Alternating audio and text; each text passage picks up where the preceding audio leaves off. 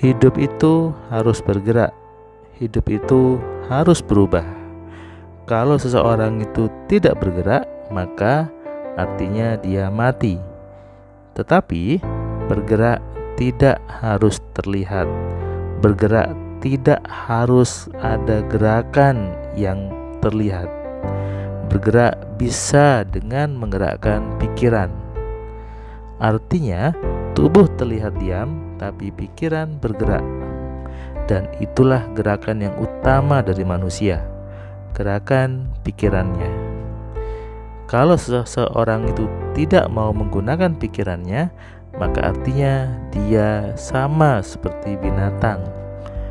Itu artinya dia tidak mau bersyukur atas apa yang sudah Tuhan berikan kepada dirinya.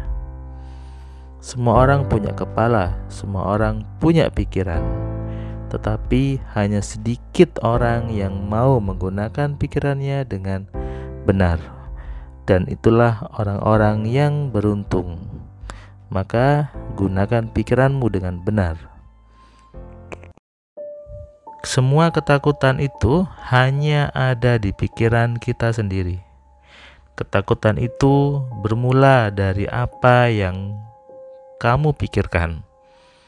Dan celakanya, kenyataan di hidup kamu itu hasil dari pikiranmu sendiri. Kalau berpikirnya takut, maka itulah realitanya.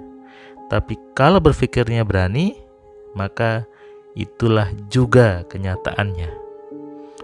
Apa yang kamu pikirkan, itulah yang menjadi realita di hidupmu. Kalau kamu tetap dengan ketakutan-ketakutan itu, maka hidupmu menjadi terbelenggu. Hidupmu menjadi seperti terbatasi, seperti terjajah. Maka tentu lebih baik berpikir yang penuh keberanian, berpikir yang positif, berpikir yang penuh kemenangan.